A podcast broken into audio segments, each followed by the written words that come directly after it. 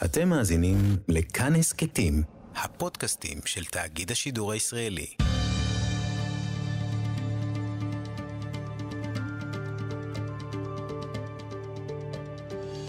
כיוון הרוח עם בני טייטלבוים שלום לכם, ההסכת הזה הוא באווירת חנוכה.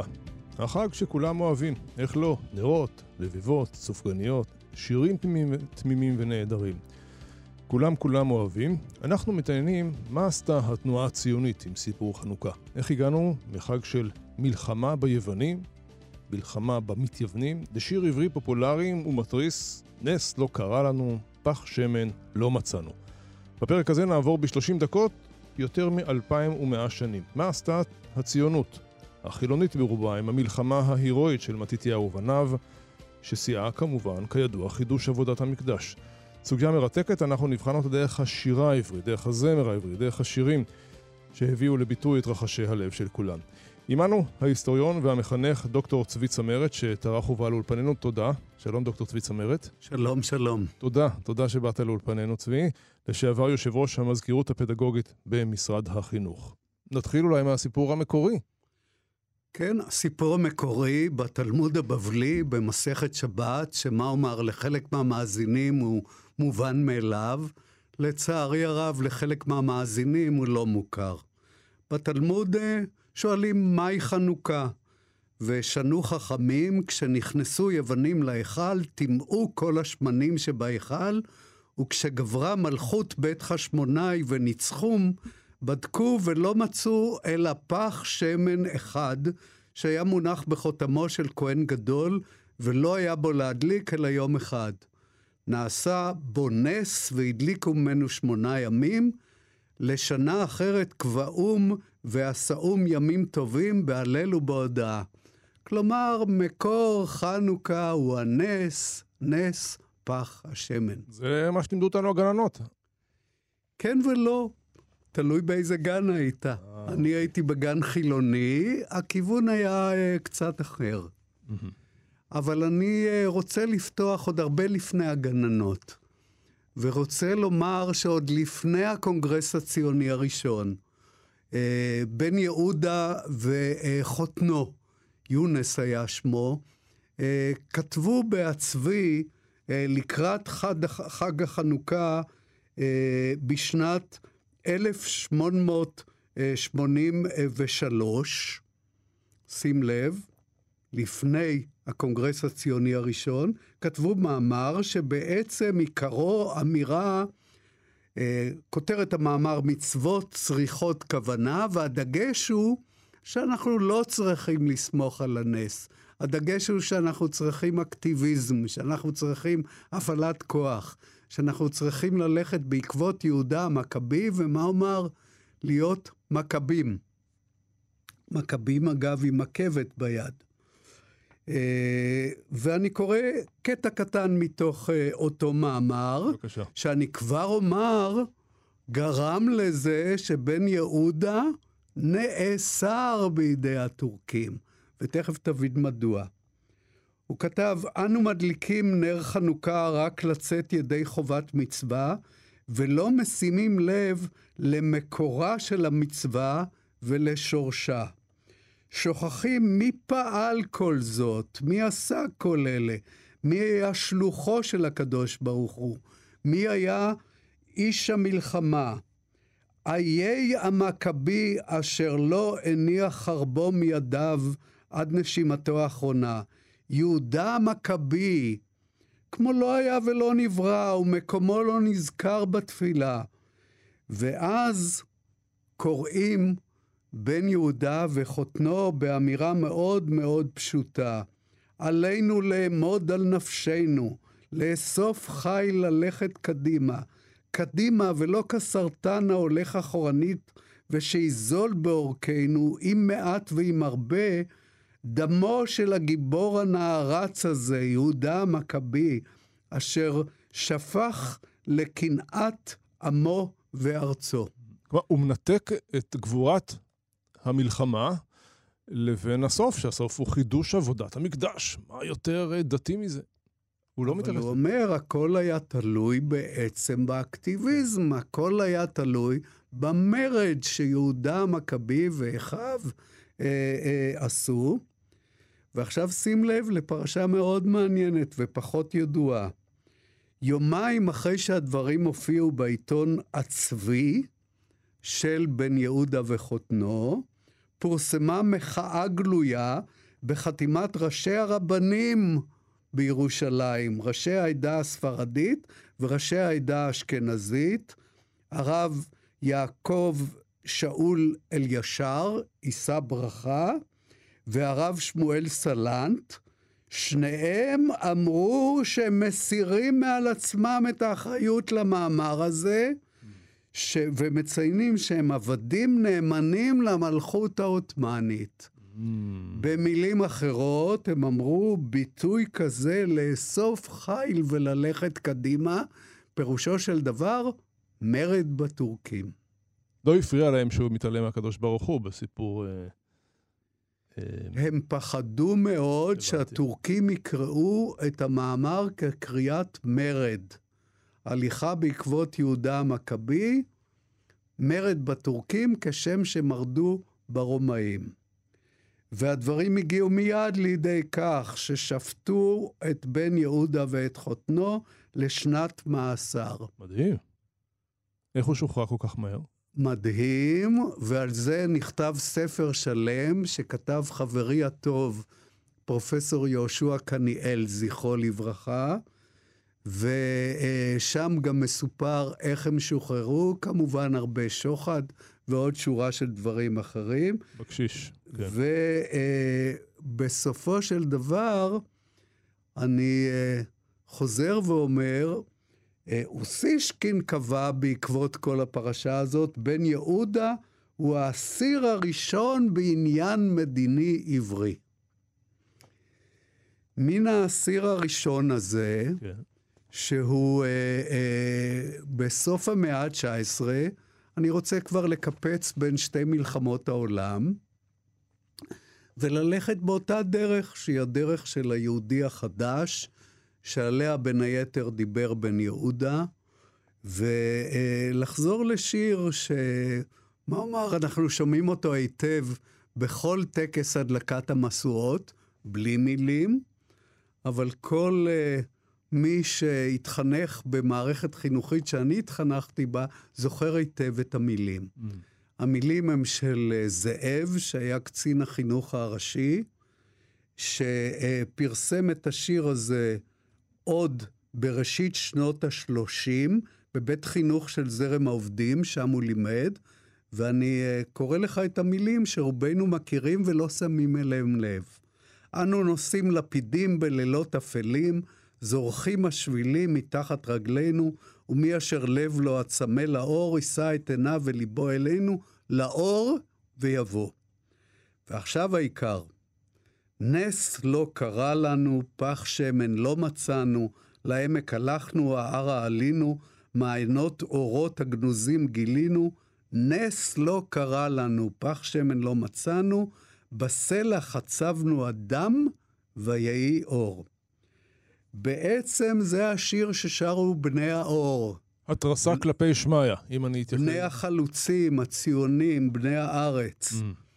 עם אמירה מאוד ברורה, בני החושך האמינו בנס, בסיפור הילדותי של פח השמן. אבל אנחנו בני האור, היהודים החדשים, בעלי ההיגיון ובעלי הלב, שים לב, מי אשר לב לו, הצמא לאור, יישא את עיניו וליבו אלינו. הלב ולא רק המוח. בעלי האמונה, האמונה האמיתית. הוא יבוא מרצונו ומתוך אמונתו ויגשים, והיכן ההגשמה? לפי השיר, בעמק, בהר. וכיצד מגשימים? חוצבים סלעים עד דם. תסלח לי שאני קופץ לרגע לסיפור אישי. קדימה. סיפור אישי זה הכי מעניין. הוריי הכשירו את עצמם בקלוסובה, שהייתה הכשרה ציונית שעסקה בחציבת אבנים. זאת הסיבה שאבי הגיע ארצה ב-1929 ועבד במחצבות בנשר, ואימא שלי הגיעה שנה אחריו ועבדה במחצבות במגדל צדק. אני לחניכיי תמיד הייתי מספר שבגלל שהוריי חצבו אבנים, אני אוכל חצץ. קלוסובה, איפה זה? קלוסובה זה אה, לא רחוק מעיירה בשם סרני, בוולין, במה שהיום אה, אה, אוקראינה. אוקיי. אבל זה, היא הייתה סמל החלוציות, ולכן אני מקשר את זה. טבנקין טען שזו בעצם הסיירת שלנו, מה שהיום יקראו סיירת אה, אה, מטכ"ל. ושורה של אנשים מאוד בולטים הגיעו משם. בין היתר אה, בני מרשק אה, ואחרים. עכשיו, הדגש פה, אני חוזר לאנו נושאים לפידים. לפיד הוא בראש המצעד, והם ראו את עצמם הכוח החלוץ, הנחשונים, הלפיד שקורא ללכת בעקבותיו. אני חוזר, השיר הזה היה שיר של האוונגרד החלוצי. החילוני, אתה כל הזמן אה, אה, לא אומר. נכון. זו החילוניות שלא רואה שום אה, יד אה, שמיים, אה, יד חזקה משמיים שמובילה את המלאכים, אלא הכל בכוחנו, בכוח האדם. ואפילו אומרת הרבה יותר מזה. לא נסמוך על הנס, וניתן את דמנו, ונחצוב, ו- וכולי וכולי. כן. ושיר ילדים אחר מאותם אה, שנות ה-30, כתבה אותו בנוסח ככה פחות אה, חריף ולילדים, כתבה אותו שרה לוי תנאי, יוצאת אה, תימן. כולנו שרים אותו עד היום, נכון יותר ילדינו ונכדינו. באנו חושך לגרש, בידינו אור ואש, כל אחד הוא אור קטן וכולנו אור איתן, סור החושך על השחור, סורה מפני האור. אין מסיבת גן בלי השיר הזה, צבי. יפה, אבל שוב, שים לב, זה שיר של בני החלוצים. שרה לוי תנאי, למרות מוצאה, התחנכה בקיבוץ ברמת הכובש, והסיפור בעצם מדגיש מאוד עוד פעם את האחריות האישית של כל אחד ואחד מאיתנו לגרש את החושך. לא לסמוך על זה שהחושך ייעלם, ייעלם מאליו.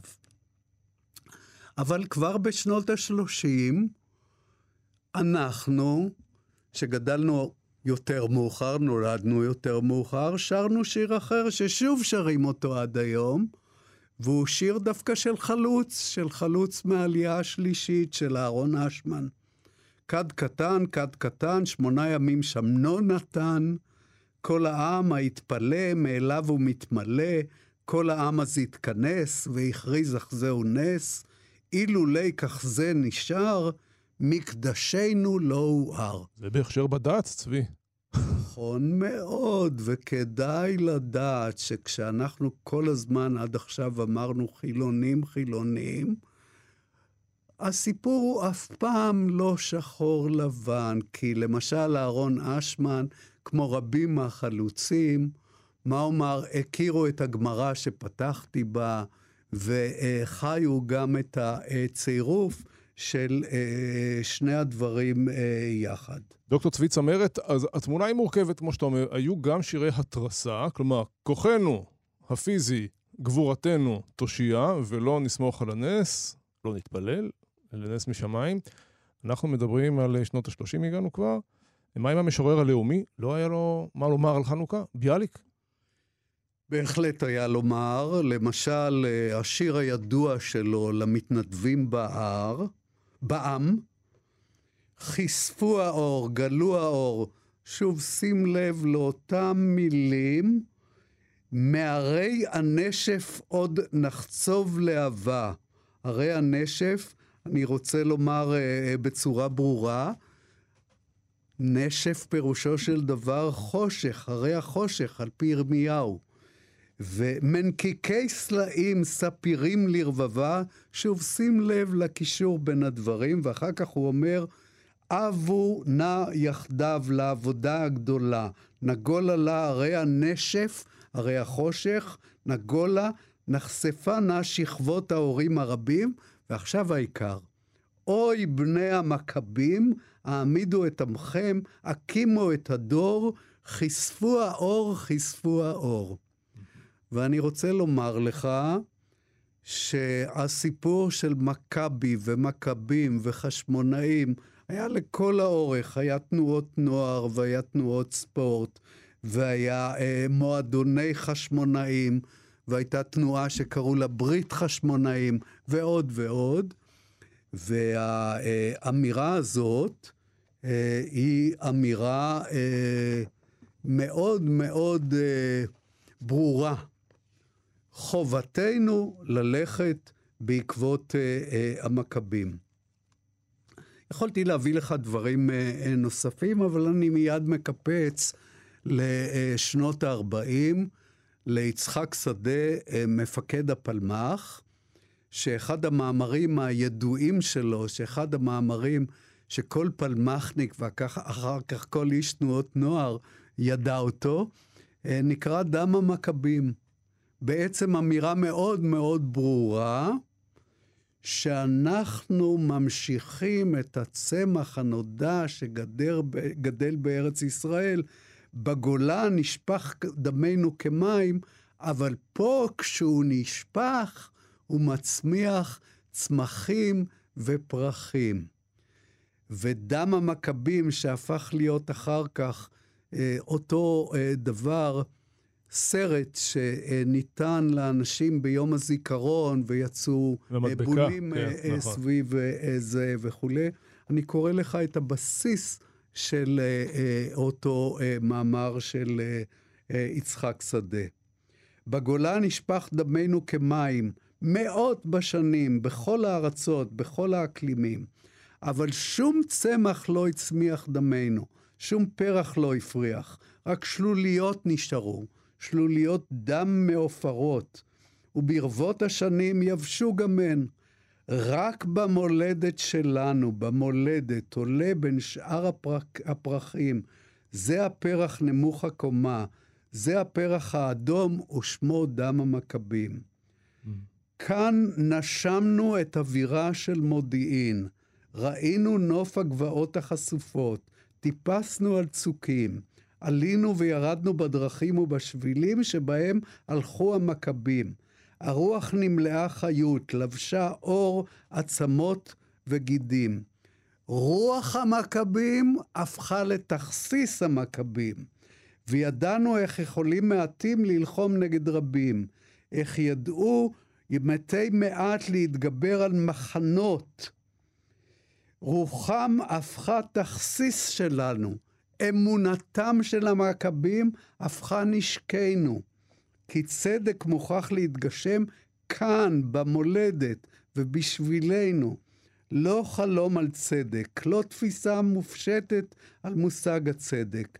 הצדק צריך להיות ממשי, הוא יצמח כשדות החיטה, השעורה והדגן, בשדות שזורעים אותם בדמעה וקוצרים ברינה, ואם יש הכרח, משקים אותם גם בדם.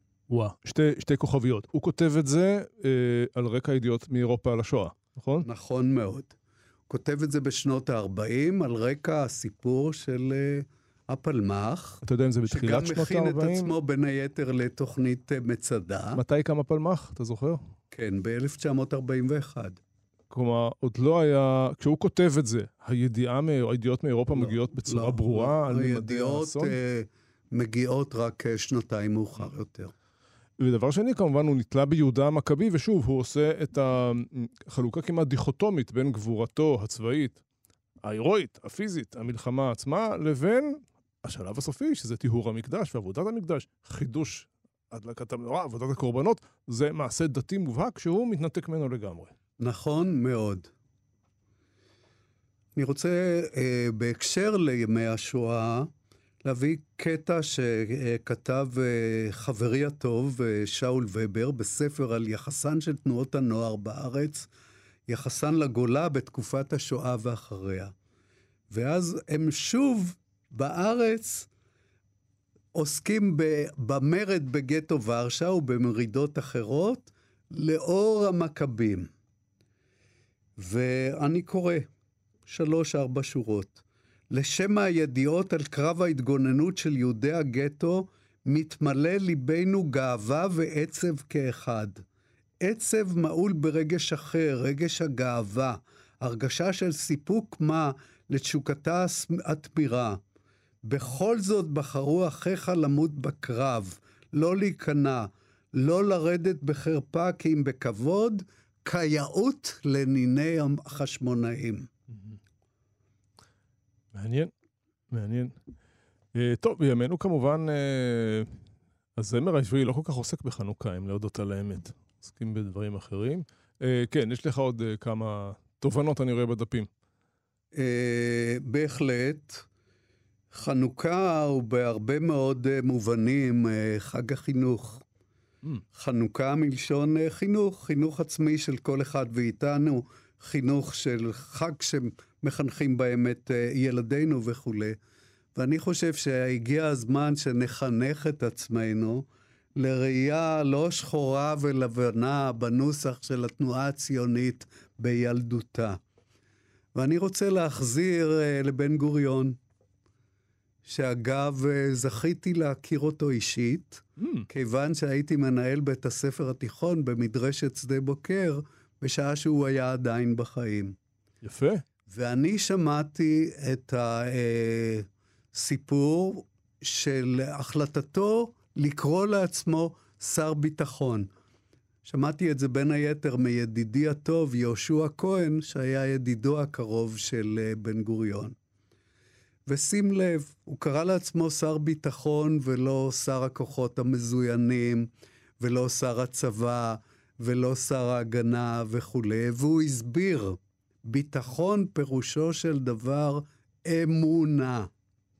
כמו שכתוב במגילת העצמאות, כתוב מתוך ביטחון בצור ישראל. שם זה היה איזה טריק כדי לעקוף את הזכרת... הטריק ש... היה בנושא של צור ישראל. נכון, נכון. שהחילונים אמרו כך והדתיים אמרו כך, אבל המילה ביטחון היא משותפת. מילה ביטחון היא אמונה חד משמעית. ובן גוריון חזר והדגיש, אני חושב שאנחנו לא תלויים בטנקים ובמטוסים ובתותחים וכולי. לא תלויים רק בהם. אנחנו תלויים קודם כל באמונה. אנחנו תלויים קודם כל בהרגשת הצדק ובהרגשת הביטחון ובהרגשה, מה אומר, ביטוחן בנוסח של פעם. שמע, אתה יודע שאחד הספרים המפורסמים של החזון איש הוא אמונה וביטחון. זה שמו של הספר של החזון איש. אה, מעבר כמובן לכל הפירושים. אמונה וביטחון, אה, ספרו של החזון איש אה, המפורסם. אמ, ורק תדע לך, כמובן, אתה יודע על הביקור של בן גוריון אצל החזון איש, ועל כישלון אותו ביקור. עם העגלות. כן, אבל סיפר יצחק נבון שהוא יצא מביתו של החזון איש והתרשם מאוד מאישיותו. ויש uh, תיעוד uh, מאוד מעניין של יצחק נבון על הפגישה ואחרי הפגישה, והוא חוזר ומדגיש עד כמה הוא מאוד העריך את uh, צניעותו של uh, החזון איש, את... Uh, מה אומר, אה, אה, שורה של דברים שהוא אה, נוכח בהם תוך כדי, תוך כדי השיחה, אבל אני חוזר לעיקר. כן, יש לנו עוד שש דקות, כן. ביטחון היה אצל בן גוריון חלק מהשקפתו החינוכית. אינני יודע אם אתה יודע, אבל בממשלה הראשונה, שהייתה עד מרץ 1949, לא היה שר חינוך. ושאלו את בן גוריון הכיצד, ומה הייתה תשובתו? שר ביטחון הוא שר החינוך, ואנחנו בסופו של דבר, כל כולנו חיים את אותה מעגליות של ביטחון וחינוך. אני uh, רוצה דווקא לסיים uh, בנוסח הדלקת נהירות שמצאתי בקובץ של התנועה הרפורמית, דווקא של התנועה הרפורמית. נקרא את זה יחד. מאיזה שנה? מ-2001. אה, חדש יחסית. הנרות הללו אנו מדליקים לניסים שבהם עוד לא התנסינו, לנפלאות שנפלאו מעינינו, לאורות שעוד לא ראינו, שעשית לאבותינו ושאתה עושה לנו, בימים ההם ובזמן הזה, על ידיך ועל ידינו, אהוביך בני אנוש פשוטים. אתה רואה פה הסתבכות עם הנושא של ניסים. אתה להם. רואה פה חזרה בעצם על היהודי החדש, שבעצם אומר נס לא קרה לנו, אבל מצד שני אומר שעשית לאבותינו ושאתה עושה לנו. לא, לא אהבתי את זה, אבל אה, זו דעתי הסובייקטיבית. אה, מה רע ב- מה- מה רע בברכות שיש? הן נהדרות, אז פשוטות. שלא תטעה, גם אני לא מזדהה עם זה, אה, אבל אוקיי. רציתי להביא את זה כאיזושהי אמירה מורכבת של ימינו, שהיא מנסה, מה אומר, להתחכם עם הסיפור הציוני של פעם. לא נס לא קרה לנו, Mm. כבר את זה הם לא מעזים להגיד, אבל הם כן אומרים שעשית לאבותינו ושאתה עושה לנו, ובכל אופן לניסים שעדיין לא התנסינו וכולי. שמע, אני לא זוכר מי אמר את זה, נדמה לי שזה פרופסור אבנרי או דיסקין, אה, הוא אמר, אני לא הולך לבית כנסת. הבית כנסת שאני לא הולך אליו הוא בית כנסת אורתודוקסי. כלומר, אה, גם בגנים הכי חילוניים, למיטב ידיעתי, ובטקסים הכי חילוניים, מברכים את הברכות שיש בסידור, אה, גם של... אה, שיש במאה שערים. כלומר, כשמברכים, אז מברכים את הברכות, לא את הברכות הרפורמיים. אבנרי, אני. מאוד אה, מסכים עם האמירה הזאת. אני אה, הולך מעט מאוד לבית כנסת, אבל כשאני הולך, אני הולך לבית כנסת אורתודוקסי. אני חייב לשאול אותך, כי יש פה איזושהי אמירה הרבה יותר עקרונית. יש פה אמירה של שרשרת הדורות, והדבר שחשוב לי במיוחד, זה להיות חוליה נוספת בשרשרת הדורות, ולא לנתק את השרשרת. הצלחת להעביר את זה לילדיך, לנכדיך? תראה, ילדיי, התשובה היא כן. כל ילדיי, שלחתי אותם להתחנך בבית ספר דתי עד סוף כיתה ו', ואחר כך נתתי להם לבחור. אבל העובדה שהם למדו בבית ספר דתי עד סוף כיתה ו', הם יודעים. הם יודעים הרבה יותר ממה שלצערי הרב יודעים היום רוב ילדי ישראל. אני חייב לשאול לסיום, הזכרנו את בן גוריון, שהיה, כידוע, אדם חילוני, אבל יהודי עם תודעה היסטורית אה, עמוקה וחרוטה. איפה היה נמצא בתוך הציבוריות הישראלית היום? אתה רואה, אה, אה, אנחנו שואלים על מפלגות, אבל אה, אדם כמו בן גוריון, הוא היה מוצא את עצמו היום? במפלגת העבודה בטח שלא. אבל אה, חילוניות שהיא מאוד מאוד יהודית, אני מתכוון. תראה, בוא נתחיל בזה שמפא"י היו בה בזמנו בעצם אה, שלושה גושים. וואי, הגענו עד לשם. היה אה, גוש אה, חילוני רדיקלי, למשל, אה, אה, היה שייך אליו אה, פנחס לבון. מהמם. היה גוש נאו-אורתודוקסי, שכלל בין היתר את אה, יצחק בן צבי, את דוב סדן, את זלמן שזר, את ישראל ישעיהו. למשל, יצחק בן צבי נהג ללכת בכל שבת לבית כנסת. מהמם. והשלישי היה אה, בן גוריון, שאמר, אנחנו כרגע בשלב של הקמת הבית. בשלב של הקמת הבית לא עוסקים בנושא של הרהיטים. הבנתי. קודם כל מקימים את הבית. אז אה, אתה לא, אתה, לא, אתה לא רואה כרגע איזושהי פלטפורמה פוליטית שבן גוריון, לו היה חי היום, היה מצטרף אליה. בשום פנים ואופן. שמאל מאוד חילוני היום.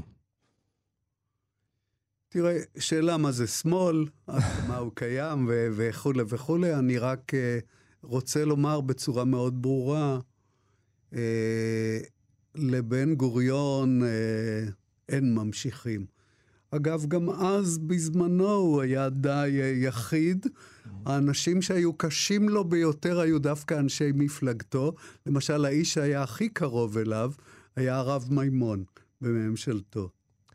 דוקטור צבי צמרת, היסטוריון, מחנך, לשעבר יושב ראש המזכירות הפדגוגית במשרד החינוך, מאוד מאוד מודה לך, זה היה מרתק. תודה שבאת לאולפן. תודה לך.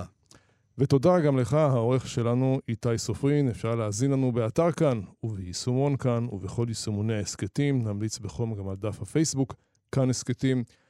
אני בני טייטלבום, חנוכה שמח ותודה. כיוון הרוח